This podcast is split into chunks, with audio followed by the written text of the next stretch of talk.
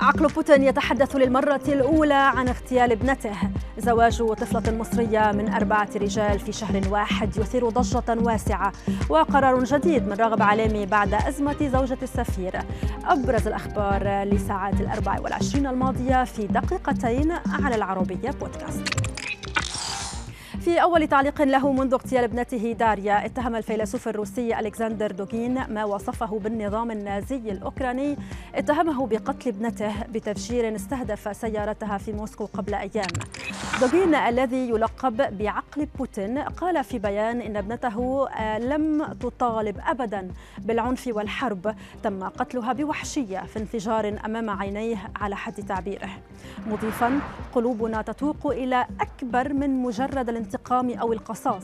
فيما وصف فلاديمير بوتين مقتل الصحفية داريا دوغين بالجريمة الدنيئة والقاسية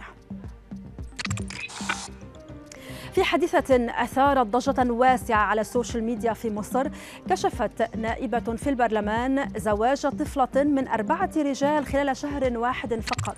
النائبة أميرة العادلي قالت في تصريحات لإحدى القنوات المصرية إن المجلس القومي للمرأة لديه حالة لطفلة تزوجت أربع مرات في شهر مشيرة إلى أن الطفلة التي لم تبلغ الثمانية عشر تتزوج مرة كل أسبوع دون دخولها في العدة على حد قولها.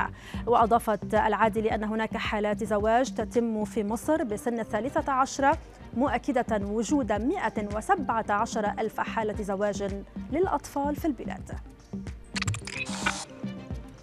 بعد نحو تسع سنوات من اختطافها عادت فتاة هندية تبلغ من العمر 16 عاما إلى أهلها الذين كانوا فقدوا الأمل في العثور عليها.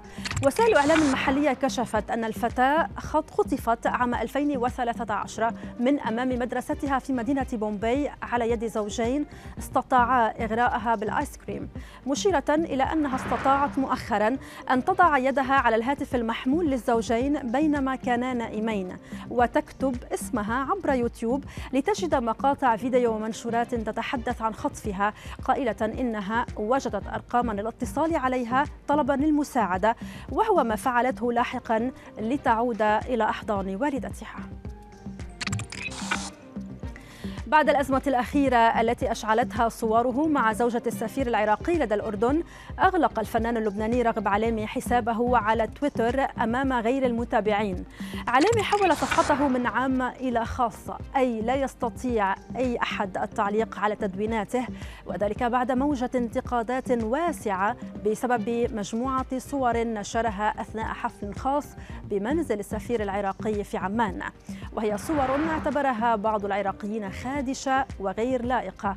فيما قال النجم اللبناني للعربية إن ما يحدث لا يستحق الرد عليه أصلا معتبرا أن الأزمة مفتعلة وأن الانتقادات والهجوم جاء من حسابات وهمية. وفي خبرنا الأخير عادت المعركة بين العصفور الأزرق وإيلون ماسك لتتصدر المشهد مجددا بعدما أصدر محامو الأخير مذكرة استدعاء لرئيس تويتر السابق في قضية الاستحواذ على الشركة.